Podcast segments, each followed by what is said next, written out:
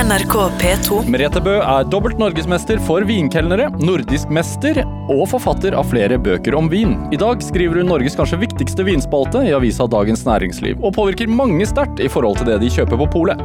Bø vakte oppsikt i 2015 da hun anmeldte en vin til 35 000 kroner flaska, og mente at vinen var verdt hver krone. Dette er Drivkraft i NRK P2. Merete Bø, Ja, velkommen til Drivkraft. tusen takk. Hvordan har du det? Veldig bra. Du, altså, jeg eh, refererte til en vin her i, i introen. Um, jeg skulle jo sagt også at du er semifinalist i både EM og VM også for vinkelnere, for å ha liksom CV-en på plass her. Men altså vinen jeg refererte til, som kosta 35 000 kroner flaska, eller litt mer faktisk. Mm -hmm. uh, Det var en Romané Conti Grand Cru 2012, Mhm. sa jeg det riktig? Mm. Ja. En vin som presset tårene frem i øyekroken, skrev du. Hva, hva slags vin er dette her? Nei, altså hvis jeg, hvis jeg sier at prisen i Norge i dag for samme flaske i ny årgang er 50 000, Oi. og prisen i Tokyo er 250 000, Oi, Så så vil jo jeg si at det er 35 000 er en lav pris å betale, hvis den da har 35 000 og bruker på vin. Men eh, det er jo en vin som hele verden vil ha, i hvert fall hele verden som har råd til det, vil ha. Hvorfor det? Fordi at det fins veldig lite av den. De lager ja, en par tusen flasker i året. Det er kanskje regna som den beste vinmarken i Burgund. Og Burgund er kanskje regna som det beste vindistriktet i verden. Eh, og eh, hvis en skal sette eh, en merkelapp på Burgund eh, Og eh, ja, den har fått en sånn ikonstatus. Og så er det selvfølgelig etterspørselen som bestemmer prisen. da. Ja, hvor, hvor mange flasker sa du at det var? Ja, et par tusen i året, to-tre tusen i året, kommer litt an på årgangen, men noe sånt, ja. Det er jo en liten lapp av en vinmark, ikke sant. Ja.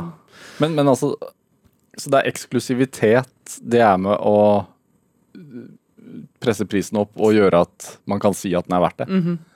Ja, altså Det er jo alt er jo relativt, ikke sant. Så ville det jo vært ekstremt mye penger å betale for en vin hvis du ikke du er interessert, eller hvis ikke du har de pengene, eller noe sånt. Men, men samtidig så er det en vin som Jeg har smakt vin hvert år i mange år, eh, sikkert i 20 år. Eh, 2012 var for meg den ultimate årgangen på den vinen. Eh, 2014 var en skuffelse. Den tror jeg ga en, skuffelse i forhold til hva du forventer. da. Ja. Eh, det er jo alltid en god vin, men eh, ja. Så Men, men altså Når du da mottar altså, Fordi du drikker eh, eh, Romané Conti Grand Cru hvert år. Mm -hmm. Når du mottar den flaska, ja, ja, jeg kjøper en stor Eller jeg kjøper ikke flasker, men jeg kjøper meg inn på en smaking som du må kjøpe deg inn på en smaking. Mm. Hvordan funker det? Nei, at du betaler for to, tre, fire centiliter av den vinen, da.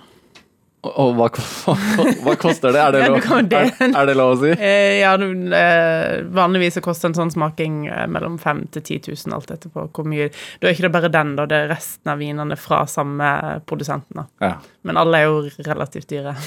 Men det er, det er arbeidsgiveren din som betaler det? ja.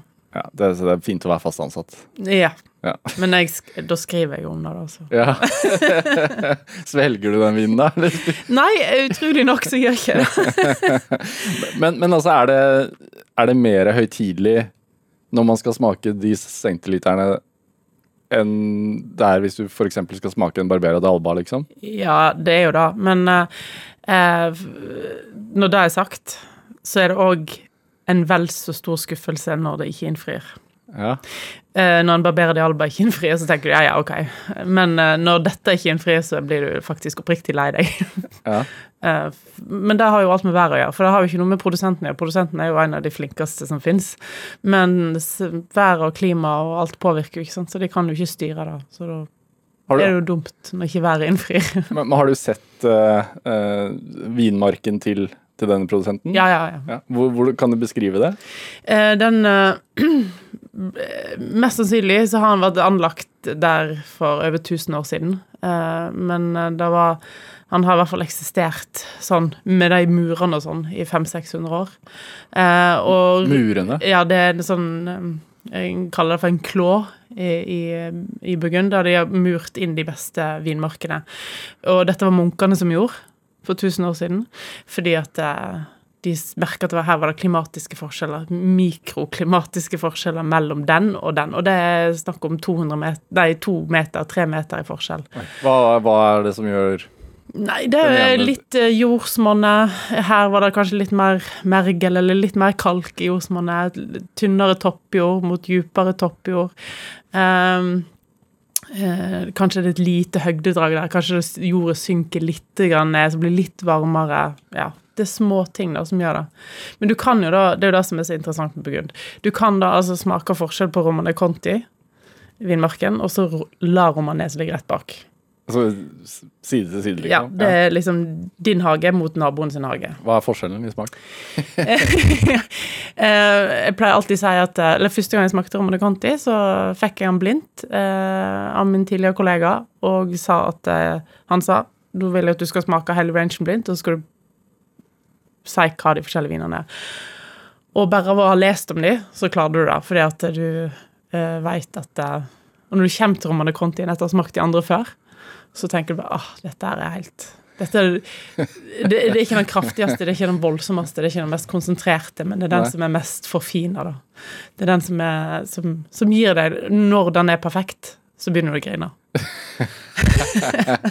Du, er, er det noe du sier, eller er det fakta? Nei, det er fakta. Jeg har grenet mange ganger vin. Eh, Men uh, flest ganger den, kanskje. Men stort sett av gammel vin, da. Ikke så ofte av fersk vin, for de mangler liksom den dimensjonen som en gammel vin gjør. da.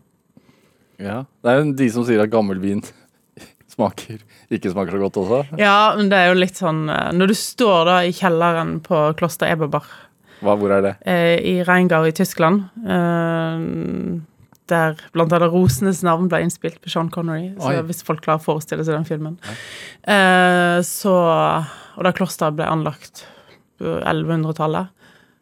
Og du står da i Tysklands nasjonal, vin, nasjonalskatt og får en vin fra eh, 1945. Så kan alle forestille seg hvordan det var laga vin i 1945 i Tyskland. eh, og den smaker altså helt magisk. Da da får du frysninger og tårer i øyekroken, altså. Hvor, hvor viktig er det? Altså eh, historien til de ulike vinene, altså når du skal anmelde de. Jeg syns det er For meg er det, det hva skal jeg si, den største inspirasjonen. At noen har gidda gjort all den jobben opp gjennom historien som gjør at vi kan sitte og nyte godt av de godene i dag. Det er derfor det provoserer meg litt at folk bare tar til takke med en bag-in-box og syns det er greit, liksom. Ja. Masseprodusert vin er ikke så så sjarmerende. Men selvfølgelig, vi må ha det òg. Men, eh, men når du får hele historien til en vin oppi et glass, da syns jeg det blir kjekkere. Men, men, men ser du det for deg når du drikker det, da? Sånn, Ja, jeg ja. du, ser for deg liksom eh, jordsmonnet og solen som treffer druene, og bøndene Mm. som kanskje for 40 år siden sto og sanket. Ja, ja, ja. Ja. Og alt det slitet de hadde. I 1945 i, i Tyskland så var det vel eh, knapt nok en mann. Alt var håndakraft. Det var kun damer og barn som høsta inn, og det var ikke en vei eller ei bru til rådighet for å frakte druene. Ja. Så Og de som har plukka druer ikke bare en, bare en time, så veit en hvor slitsomt det er. Så, og i de bratte skråningene der, som er opp mot 70-80% helning, så ja Føler du at du er ganske beæra når du får lov å drikke? Det, føler man seg ekstra kjip da, hvis man er nødt til å gi det en lav poengsum? Ja, det er mange ganger jeg har følt meg skikkelig kjip. Men eh, det er jo poengsummen er jo da for leseren. Ja. Uh, og uh, hvis jeg faker de poengsummene, så har jeg ikke noe jobb. Hva, hvor ofte Altså, den uh, Ramané Conti Grand Cru 2012 ga det jo 100 av 100. Ja, Hvor ofte får en vin 100 av 100? jeg har bare gjort det to ganger. Ja. Um, Hva var andre? andre var en, um, en eh, portvin som uh, ble lansert for et par år siden av et eh, hus som heter Quinta de Valado, som var for 1888. Så jo eldre, jo bedre. Men altså, er det uh, Hva tenker du om den makten du har? Jeg sa i innledningen her at, at eh, du skriver kanskje Norges viktigste vinspalte i Dagens Næringsliv, og, og med det også påvirker ganske mange sterkt i forhold til hva, hva de er villige til å betale for på polet.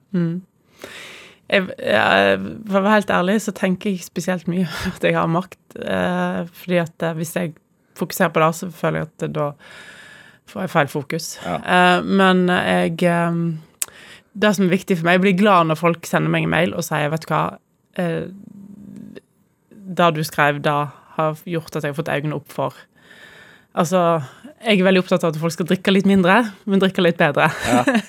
så gå bort fra kvantitet og litt, tenke litt mer på kvalitet. Bruk litt mer penger på ei flaske vin. Fordi at ei flaske vin Nå er det ikke så mange flasker igjen i Norge som koster 100 kroner, men den som koster 100 kroner, hvis en tenker det som en sånn tommelfingerregel, den koster innkjøp til Norge under euro. Under en euro? Ja. Så, og det er de vinene som koster på supermarkedet i Frankrike to euro. Ja. Eh, hvis en tenker at det da skal da lønne de som høster druene, de skal betale for flasker, for, for korken, for etiketten, for alt Altså, hva gjør det med innholdet? Hvis du bare dobler den prisen og bruker 200 kroner per flaske vin, så kan du putte omtrent alt i innholdet, for resten går til staten i Alkoholavgift er den største bolken på en Ja. vin til 100 kroner. ja. Så det er, Eh, så det er ganske mange hakk bedre. ja. Men er det eh, Altså i forhold til poengsystemet, fordi det er sjelden det er sjelden man ser liksom at man gir ut 50 poeng. ja, 50 poeng er på en måte ødelagt vin. Ja. Hvor er det hva, hva, Over 80 er bra? Ja, over, altså 70 er greit for en Altså 70-tallet, da. Ja. Poengmessig er greit for en veldig kommersiell lavt prisa vin. Eh, 80-tallet Alt på 80-tallet er jo bra. Ja. Det er jo ingen dårlig vin på 80-tallet. Men for eksempel for Romane Conti da, så ville det vært en veldig stor skuffelse å fått 85 poeng. Eh, så det, det er alltid jo litt, litt relativt, selvfølgelig. Men jeg tenker ikke på pris når jeg gir score. Nei. Det er kun på kvaliteten. Men eh, Og hvis du Det er mange som sier til meg jeg kjøper kun vin over 90 poeng. Ja, men da går du glipp av en del gode kjøp. Eh, faktisk. Um, Hvor- På, hvordan, på hvilken måte? Nei, altså det er masse god vin på 85-86 poeng som koster 140 kroner på polet, liksom, som, som er et godt kjøp. Ja. Men uh, på grunn av ja, på grunn av eh, eh, valuta og på grunn av uh, eurokurs og sånne ting, så har prisene steget ganske mye. Så det begynner å bli færre og færre, altså. Men eh, ja. Men er det hvor, altså, Hvordan går du til verks? Har du et skjema som du fyller ut, eller Nei. du bare kom, finner ut poengsummen til slutt? Der ligger den, den Erfaringen? Ja. den, jeg tenker stort sett ikke så mye over det. Det går ganske automatisk. Ja. Um, det må gjøre det, for du smaker så mye og så intenst når du smaker ofte. det, Hvordan, er, hvordan funker det? Nei, altså på en vanlig smakedag, da, som ikke er hver dag, eh, men når det er, det er seks ganger det i året det slipper polet, og da den to ukene før slippet, så smaker jeg mellom 100 og 200 vin om dagen. Og da går det ganske, ganske automatisk. Ja. Og det høres intenst ut. Ja, det er jo det. Eh, Det er jo ikke Det er mange som tenker 'å, for en fantastisk kjekk jobb'. Ja, ja, jeg er helt enig i at jeg har en fantastisk kjekk jobb, men akkurat å smake 200 vin om dagen er ikke alltid så kjekt. Det høres ikke så romantisk ut i forhold til vinen, i hvert fall. Men er det Altså, vinkritikk er jo er jo en av de eh, yrkene som veldig ofte blir utsatt for latterliggjøring. Mhm. Altså i forhold til hva man skriver. Ja, jeg føler at jeg skummer, jeg skummer virkelig fløyten Hva, hva tenker du av om yrkeslivet. ja, Jo, men hva tenker du om det? Altså, sånn, fordi Hvis man ser i filmer og komikere og sånne ting, de Mm. gjør ofte Mm. narr av det, at det lukter som våt hund og Mm. Er det hva? Ja, jeg har jo full forståelse for at folk gjør det. Du har det? ja. eh, og jeg har av og til tenkt at hvis jeg hadde fortalt min oldemor eller tippoldemor hva jeg lever av, så hadde de bare rista på hodet. Ja. Eh, fordi at eh, det er jo egentlig en nesten for godt over sant jobb. Eh, så, men eh, Og akkurat da når det gjelder beskrivelse av en vin, så har veldig mange, eh, kanskje jeg òg, men veldig mange før meg vært veldig kreative i form av hvordan beskrive en vin. Eh, det er jo det er jo bare en måte å prøve å ordlegge det du føler, eller opplever i glasset, om det er våt hund eller uh, ja, Tidligere kollegaer har jo beskrevet vin som vel, vel, et velduftende harem og sånn. jeg husker mange ganger jeg skrev, el, eller jeg skrev el, lukt av eldhus, og jeg kommer fra Voss, så mitt forhold til eldehus er veldig sterkt, men da var ikke alle på Østlandet så enig i. Eh, så det er jo eh, eh, Jeg prøver å bruke minst mulig personlige preferanser og mest mulig sånne ting som folk kjenner igjen, da. Bare for at folk skal skjønne litt hva retning den vinen her Men det er jo bare et lite verktøy Ja. for at folk skal skjønne hva, hva du vil oppleve hvis du får den vinen her kjøper den vinen. her. Men blir det også Er det enkelt å latterliggjøre det litt fordi at vi som folk kanskje mangler litt språk rundt vin? Mm. Det er som jeg eh, Når jeg treffer folk jeg ikke kjenner, da, på fest eller en middag eller Ja. Stort sett noe av det første folk sier til meg når jeg sier at jeg jobber med vin, er at jeg kan ingenting om vin. Jeg kan ingenting om vin. Um, og så snakker vi om vin resten av kvelden. Eh, For dette folk blir veldig nysgjerrig. Så jeg tror det er litt mest for å liksom holde ryggen fri, så er det litt lett å latterliggjøre. Ja. Ja. Hvordan er det egentlig, tror du, å invitere deg på middag og servere deg vin, da?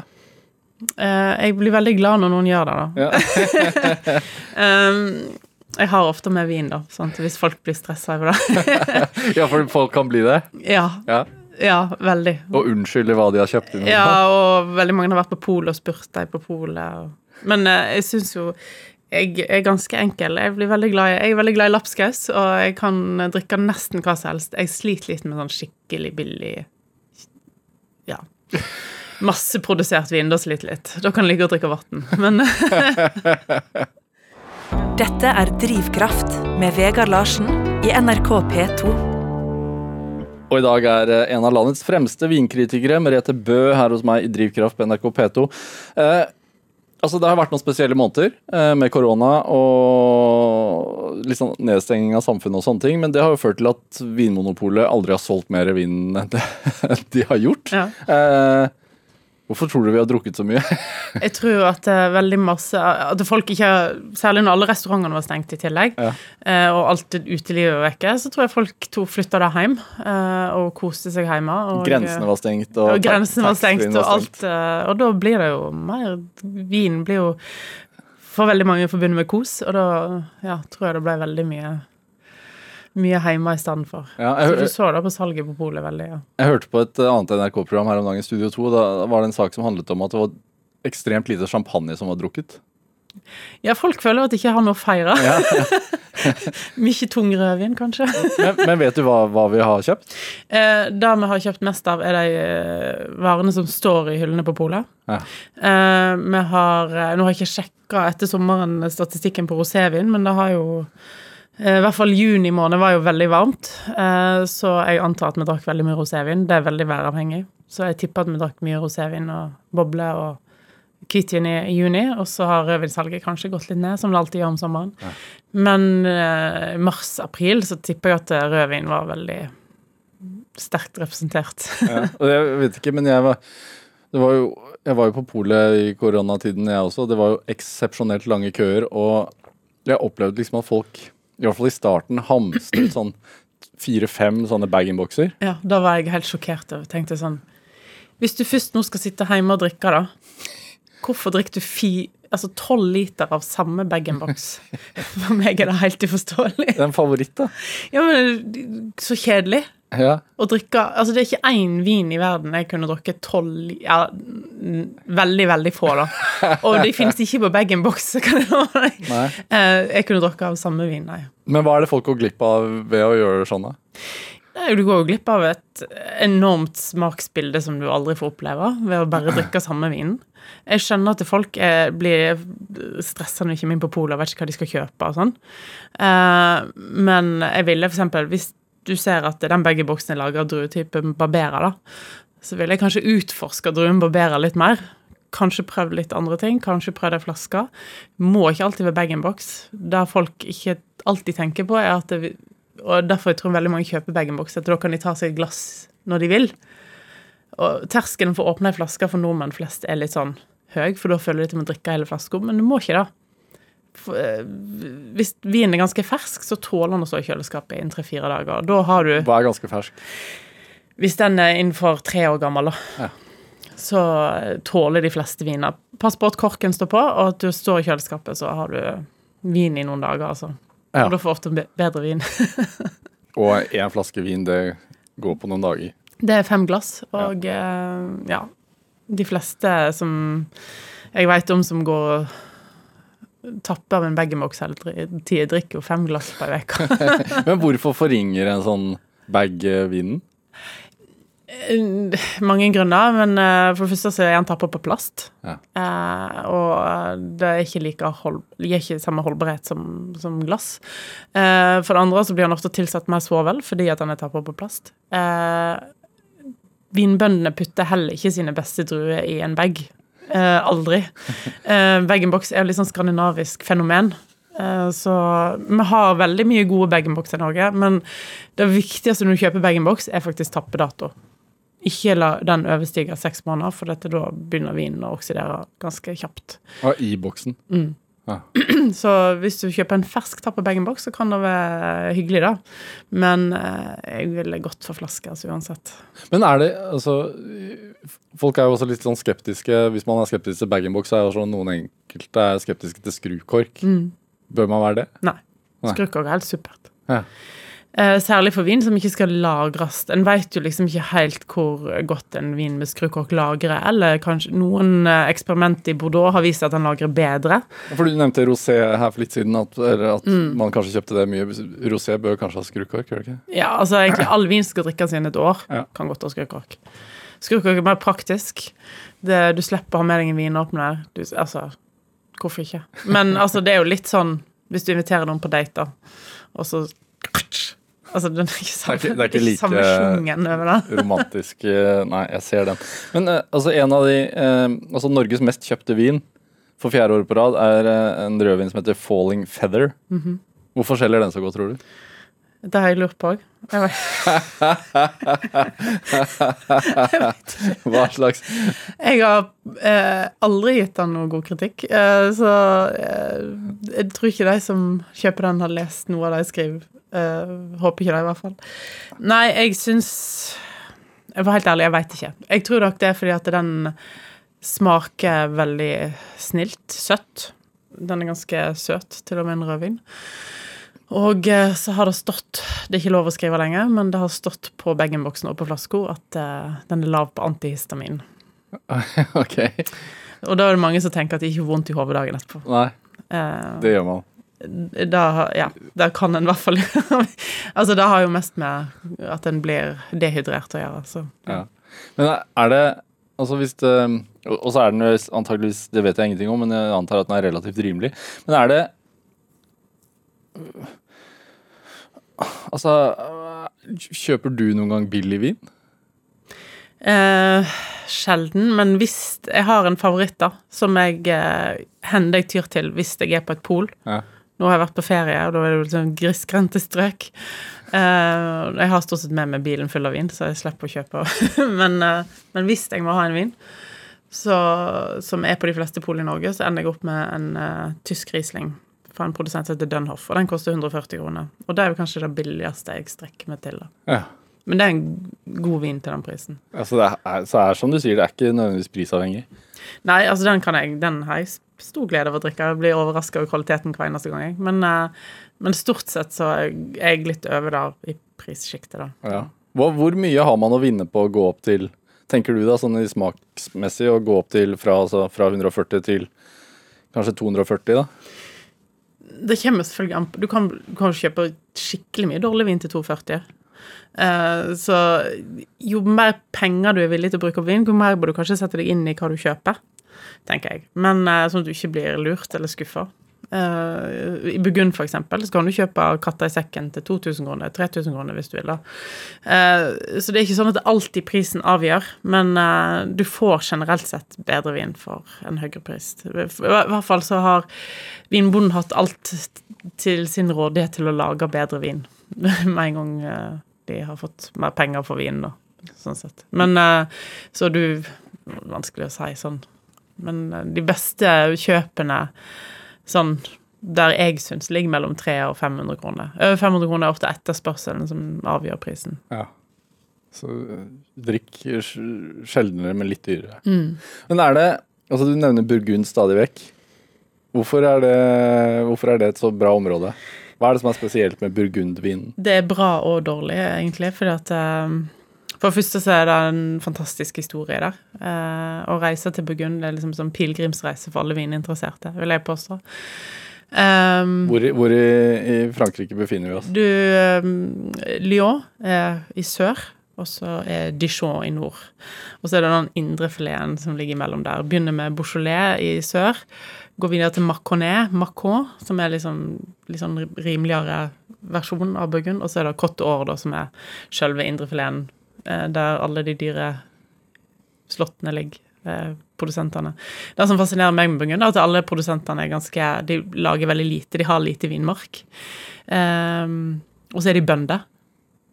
De er ikke De går ikke rundt i smoking og kjører limo. De går rundt i støvler og Smaker man det? Mm, Ja, du smaker at det her er det i hvert fall et håndverk, da. Ja. Ikke, ikke en eh, vin som har endra seg fordi at eh, en vinjournalist i USA mente at eh, de skulle det. Mm. Så, og så er det så, For meg er alltid historien veldig viktig, da. Ja. At, Men, men altså Du sa at du akkurat har vært på norgesferie og kjørt rundt, og da fyller du ofte bilen full av vin før du drar. Altså, og det er jo problemet med at vi har vinmonopol i landet. Det er ikke vinmonopol når du skal rundt på tur. Er, og det er jo stadig diskusjoner om man skal ha pol eller ei. Hva tenker du om Vinmonopolet? sånn som polet i dag, Ja, så tror jeg at eh, Norge er veldig kjent eh, Skal være veldig glad med å ha vinmonopol. hvorfor det? Fordi at eh, polet er en stor aktør, og en viktig aktør, hvis en hadde hvis, Og Norge er et lite land. Men hvis en hadde ikke hatt pol, så ville det hatt veldig veldig mange små aktører som ikke hadde hatt så mye å si, ikke i et så lite land som Norge. Selvfølgelig kanskje det hadde vært lettere å få tak i god vin i Oslo, men ellers i landet, nei. Nei. Så det er mange ting jeg kan kritisere polet for, men jeg vil jo at det skal være. Så Hvordan var ståa for, for vin i Norge før polet? Eh, ja, si det. Det er faktisk litt interessant. Men uh, i Oslo så var det ganske Jeg har gjort litt research på det, men um, satt på Nasjonalbiblioteket ei uke og prøvde å finne ut av hvor mye vin var i Oslo. Okay. uh, og satte meg inn særlig i en vinhandel som heter Per Larsen, som holdt til i um, uh, Rådhusgata 4. Og de hadde i 1903 600 000 flasker Bordeauxvin på lager. Oi. Og da var jo Kristiania Jeg tror det var 250, to, mellom 200 og 250 000 innbyggere i Kristiania. Og det er, det er ganske mange flasker per pers. Og det er kun Bordeaux. Ja.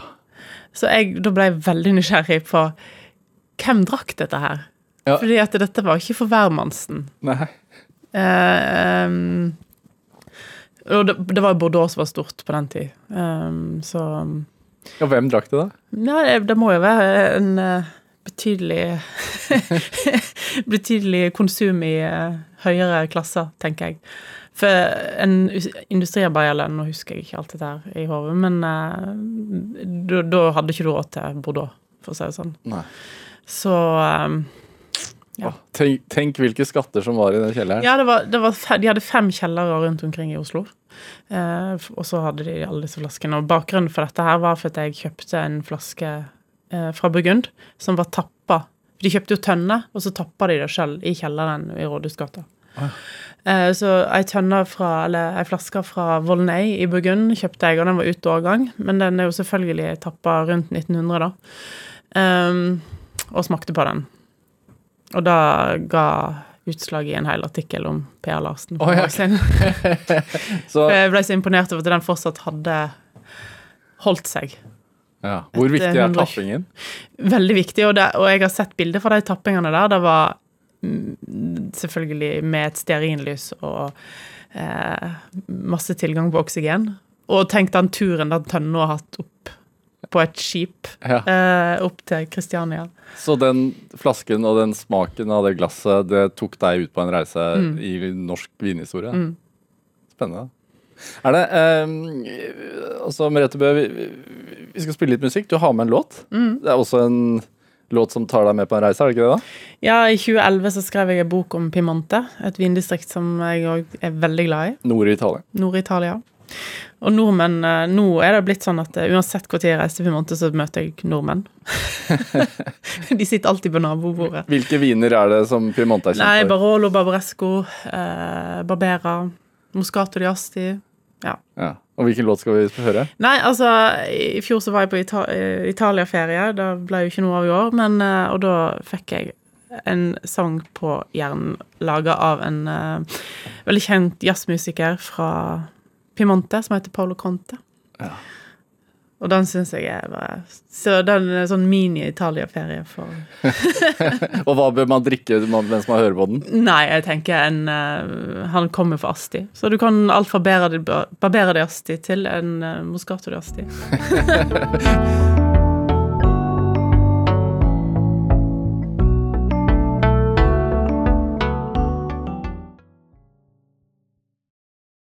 Um, du er ikke fra Italia selv, du er fra Voss. Mm -hmm. uh, hadde dere vinkjeller?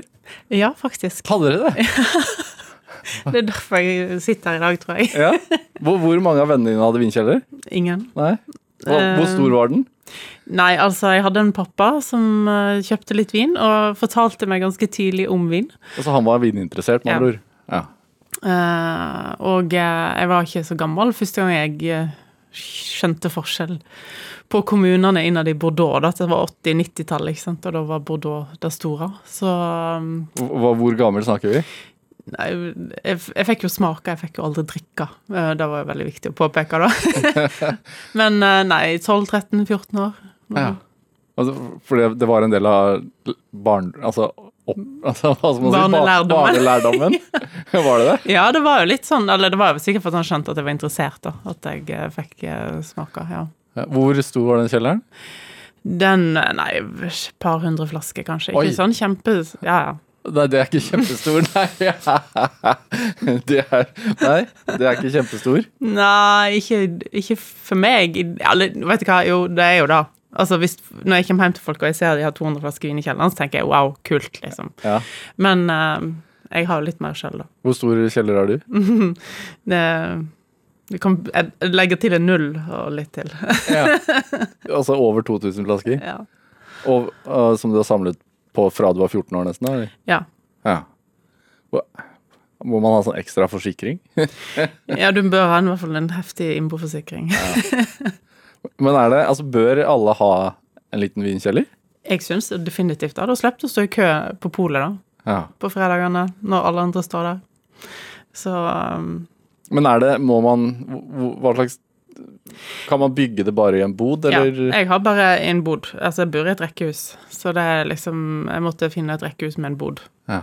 Som jeg kunne sette inn et kjølelager i men det kan være alt fra et vinskap til en eh, Til et klesskap. Eh, pass på at det er så kaldt som mulig, da. Eller som ikke romtemperatur, liksom. Hva er optimal lagringstemperatur da? Eh, mellom 8 til 12 grader er det optimale. På både rød og hvit? Ja. All, all vin, egentlig. Altså, du kan ha det kaldere, men da vil den naturlige utviklingen gå seinere. Ja. Men du kan òg ha det varmere, men da vil utviklingen gå raskere. Så det kommer an på hva tidsperspektiv du ser for deg du skal spare på. Hvis du, skal, hvis du vet at du skal drikke vin i løpet av tre måneder likevel, så har det ikke så mye å si. Men hvis du skal spare til fremtidige generasjoner, så bør du kanskje investere i et kjølig plass. Ja. Kan, kan man, hvis man har investert i en, i en vin som man tenker man skal lagre i mange år, da kan man, og ikke har lagret den bra fra starten av, kan man redde den? Eller? Nei Det kommer an på hvor Altså, når jeg kommer hjem til folk og de har lagra ting ved siden av peisen i alle år, da blir jeg bare så lei meg. Da er han garantert ødelagt, liksom. Ja. Så, ja. Hvis du har lagra den sånn, da er, ikke, da er det no way back. Men, men hva, altså, ja, dere hadde vinkjeller på Voss. Hva, hva drev foreldrene dine ellers, da? Enn vin? Nei, de var jobba innenfor rettsvesenet begge to, så de var Så de jobba ikke med mat eller vin. Eh, men jeg er oppvokst med god mat og med vin, og at vin sto på bordet, og at det alltid var hyggelig. Og Hver- dag? inkludert. Nei, ikke hver dag, men stort sett helger og sånn. Ja. Eh, og at det da var liksom og Pappa kunne såpass mye at han klarte å sette meg litt inn i historien. Da ble jeg nysgjerrig, begynte å lese. Jeg var 14 år første gang jeg las ei vinbok. Og eh, Hva er det han sa som gjorde deg interessert, da? Nei, jeg begynte å fortelle om det var, Jeg husker det var veldig mye Bordeaux, da. Jeg husker vi var på danskebåten på vei til Danmark på ferie, og han fant en vin i butikken der eh, som heter Chateau Lafitte, og dette var 1986, årgang 1986, som var en veldig god årgang i Bordeaux. Eh, og når han kjøpte den, jeg husker nøyaktig, han kostet 864 kroner. Eh, og dette var kanskje i 1989, da, Oi. eller noe sånt. Eh, og Så den var dyr, Det var dyr, men da, det er jo rimelig for den vinen i dag, da. Eh, og da husker jeg tenkte sånn wow, at det, ok, jeg skjønte at den var dyr. De andre var rimeligere. Hvorfor var den mye bedre? Den har jo alltid blitt regna som kanskje en av de noen få beste slottene i Bordeaux okay. i mange århundrer, liksom. Hvorfor da? Ble veldig nysgjerrig på det. Eh, og så begynte jeg å se en BBC-serie eh, innspilt av Jensis Robinson, som er eh, journalist i Financial Times. Den eh, serien der så jeg på VHS. Eh, Varte vel i åtte timer. Den så jeg eh, sikkert 20 ganger den sommeren der. Oi. Ble helt hekta. Hva, og den handler om Den handler om å ta for seg hva en av de viktigste druetypene i verden og reise rundt etter druene, kan du si. da. Besøke produsenter som jeg i dag har besøkt og kjenner personlig, eh, noen av de. Men- Hvordan, hvordan men har det vært? Det har vært, Jeg husker jo nøyaktig hva de sa utenat i den serien her. Um, eh, så jeg har ofte tenkt Jeg pleier jo ikke å nevne det, men jeg har sagt det til Jensis at det da var en veldig sterk inspirasjon, da. Ja. Har jeg sagt i ettertid. Ja, for du har møtt eh, Ja, ja. dokumentaristen? Mm. Ja. Er det Er det litt sånn altså at at det er et hav av viner der ute, og vanskelig å få oversikt over alle, og så at man liksom skal lukte og smake seg frem til skattene, at det blir som et slags sånn detektivarbeid? Ja, det er jo Jeg føler Noen ganger så tenker jeg når jeg har smakt masse, og ingenting eh, Ingenting Hva skal jeg si Ingenting eh, fanger deg noe nevneverdig, da. Så tenker jeg ah, nå er ikke noe mer god vin der ute. Nei.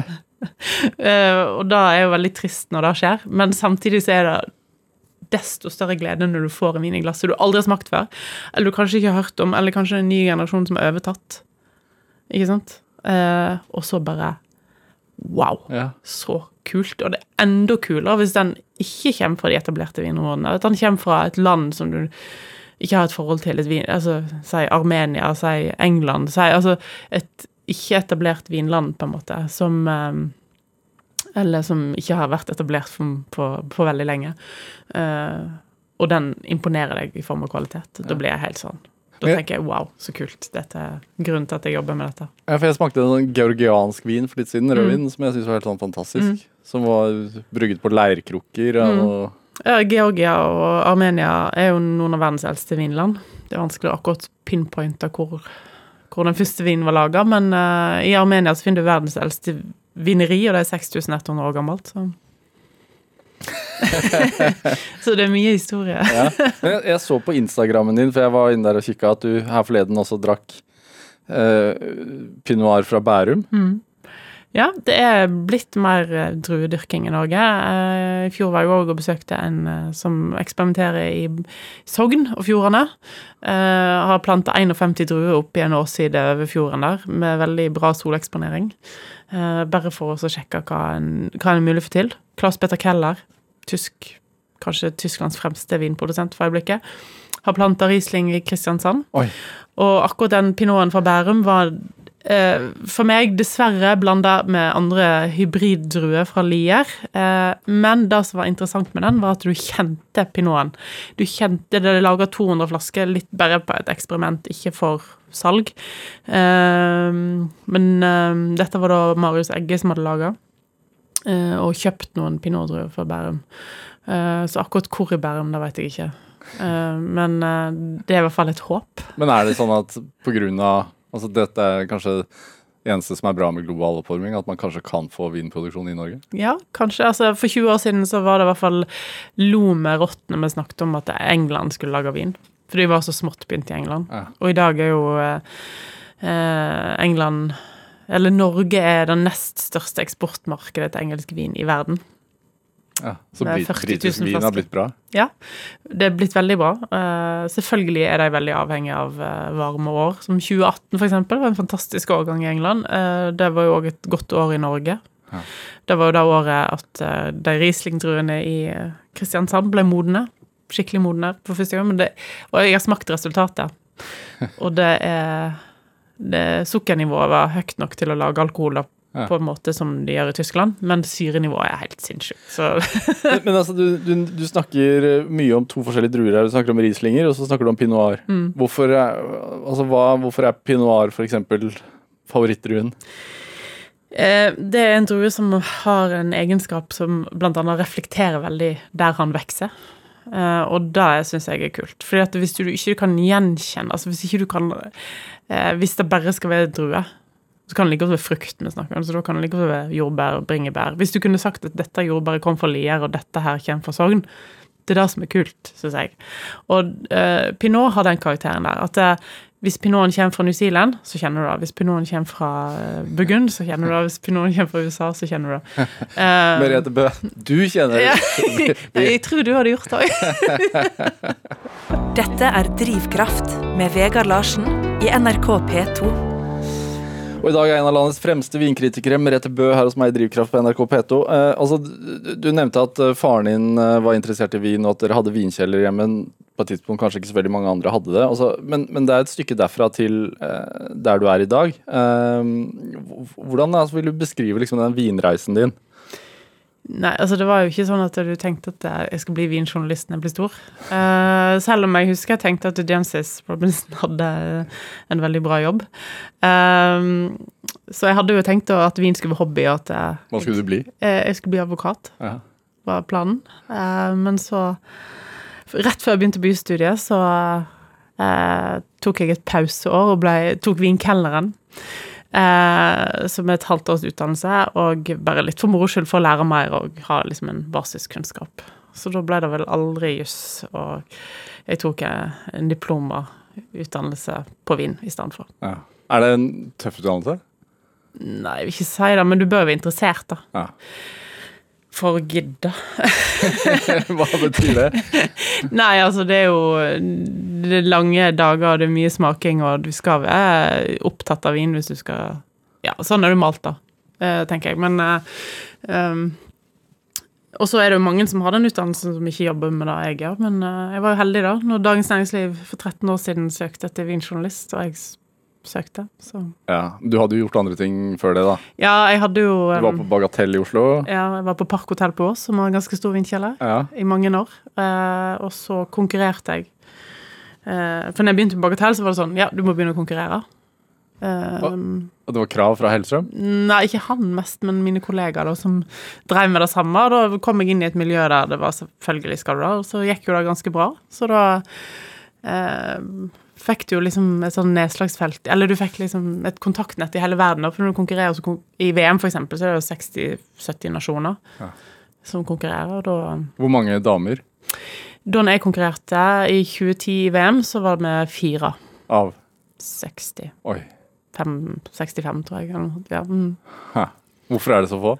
Eller var det? Eh, det er blitt flere, men eh, restaurantyrket, eller kelneryrket, da, er jo veldig mannsdominert av en eller annen grunn. Ikke i Norge, Nei. men veldig i utlandet. Ja. Eh, og eh, det var jo en del nasjoner som ikke liksom tok deg helt seriøst bare fordi du var kvinne. Går det en fanden i deg da, eller hva? Ja, det gjorde det litt. da. det ble veldig det var ekstra kjekt når du kom blant de ti beste, liksom. Ja. Så mm. Hvordan funker en sånn konkurranse egentlig? Så står det du mm, får først en heftig teoriprøve på sånn 100 spørsmål eller noe sånt, og du skal svare så best du kan på kortest mulig tid, eh, eller en begrensa tid. Og så er det blindsmaking av vin og brennevin, og så er det eh, vin og mat i kombinasjon, en praktisk prøve. Ja, du skal stå der, og du får rett foran åtte dommere, og så skal du si hva vin du ville valgt til, og hvorfor. Oi. Uh, og gjerne så blir da vinvalget begrenset. Jeg fikk da en ceviche av abelone. Uh, uh, da en skjell, eller en ja, ifra S- Stillehavet, som du har smakt en gang før i hele ditt liv. Ja. Det fins ikke her. Rått. Rått, og vinen som skulle være til, skulle være rød. da må du vri, og du har selvfølgelig fem minutter på deg.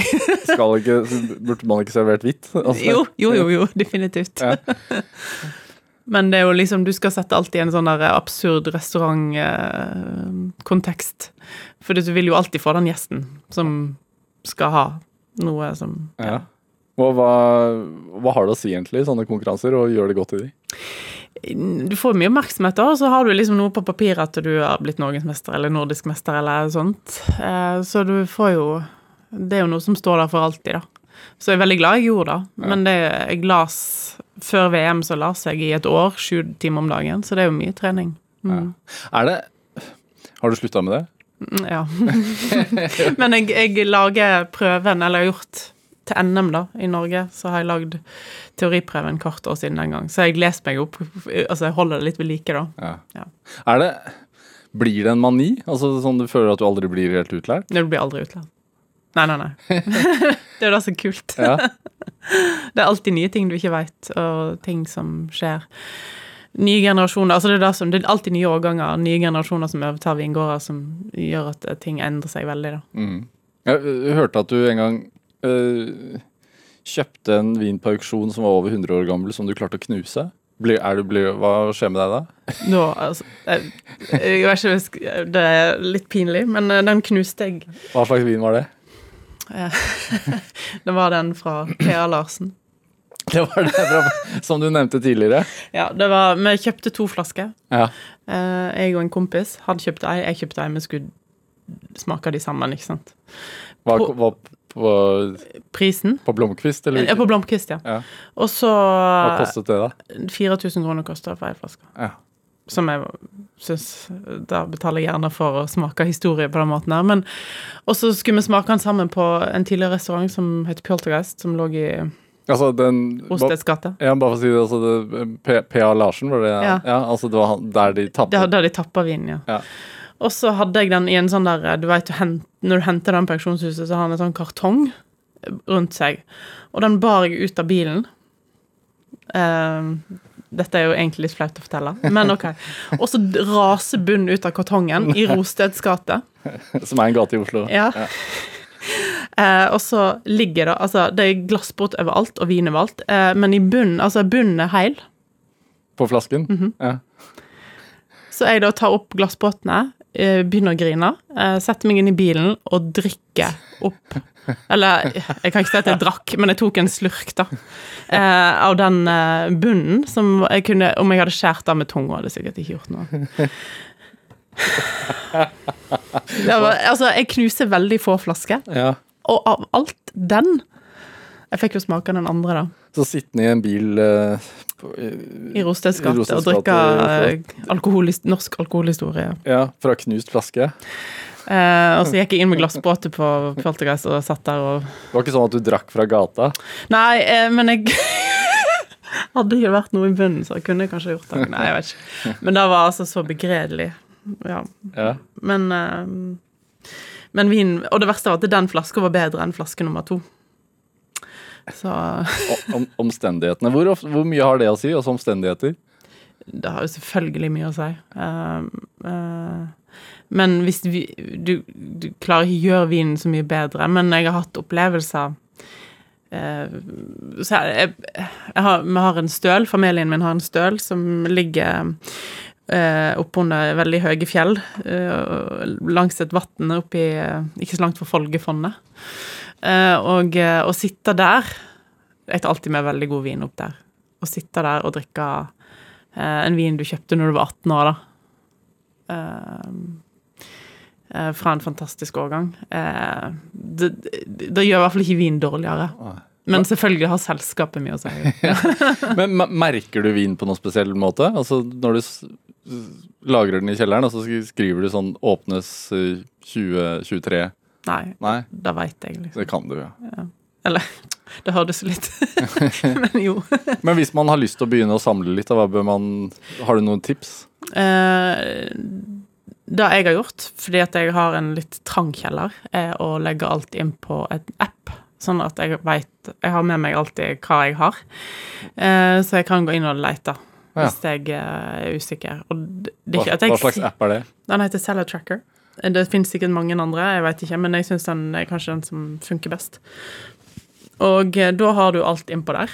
Eh, og så må du huske å slette de når du har drukket de, da. Men, eh, og legge inn nye når du har kjøpt nye. Men eh, for meg så er den helt gull verdt, fordi at der har jeg oversikten innpå der. Men eh, Men da har du 2000 flasker, da, hvis man, eller mer. mm. Hvis man har, begynner i det små, så Ja, men begynn, For det, det baller fort på seg, altså, sånn sier på oss.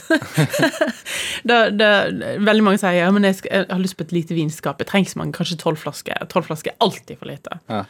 Eh, hvis du først skal investere i et vinskap, det koster ikke så mye mer å kjøpe et stort et. Det blir fullt. Eh, tro meg. Eh, for hvis du først blir bitt av basillen, jeg har sett dette skje ganske mange ganger, så blir det fort fullt. Eh, og det er jo ingenting som er kulere enn Og hvis du kjøper vin som Hvis du kjøper virkelig kvalitetsvin som trenger lagring, så er du, har du ikke dårlig tid. Du har jo 20-30 år på deg. De fleste eh, For de fleste av oss, da, så er vi jo kanskje nesten på gamlehjem.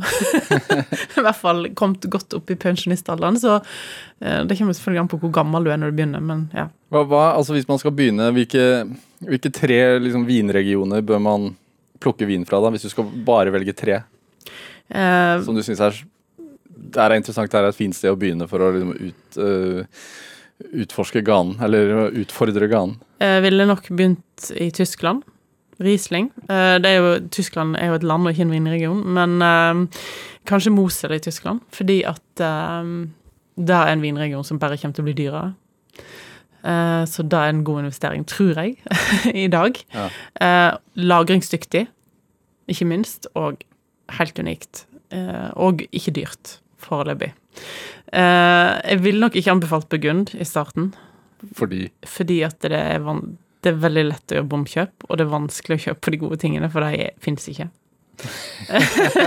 de de, de, de fins, men de, blir kjøpt opp, og du må ligge i kø, og du må kjenne de rette folkene og sånn, så det tar litt tid Ja. å sette seg inn i Burgund. Jeg ville kjøpt champagne. For champagne blir alltid bedre med lagring. Det er ikke nødvendigvis en god investering sånn sett, Um, men det er i hvert fall noe du vil ha glede av i framtida. og så kanskje Pimenta. Ja. Hva fra Piemonte, da? Nei, Nebbiolo er jo kjempekult. Og, Altså, og, men jeg ville kanskje ikke sånn gått for Barolo Barbaresco. Eller kanskje Barbaresco, men Barolo er litt sånn Og vanskelig å finne de beste tingene, for dette de blir kjøpt opp med en gang. Eh, Gattinara. Eh, Gemme. Altså litt mer sånn nordlige appellasjoner i Piemonte, som ikke koster så mye enda Ja. Men som vi har sett ganske nylig, har hatt en ganske kraftig prisstigning, noen produsenter. Så der kommer nok òg prisen til å øke ganske betraktelig, ja. tror jeg. Merete Bø, hva, hva tenker du er drivkraften din? Eh, definitivt at folk skal drikke bedre, få bedre opplevelse av alkohol, og ikke kvalitet for kvantitet. Ja. ja, for det er litt for mye av det. Jeg syns eh, at eh, Men det har litt med vår alkoholkultur er litt eh, Altså, en skal ikke skamme seg over å ta et glass vin på en mandag, men en bør helst skamme seg over å drikke to bag-in-box i løpet av en helg, liksom. Er det én vin som du drømmer om å drikke, som du ikke har fått smakt? Ja. Hva er det? Veldig kort, hva er, hva er det?